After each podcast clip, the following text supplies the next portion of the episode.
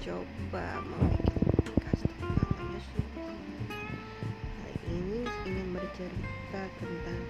apakah asli saya sudah ada sejak saya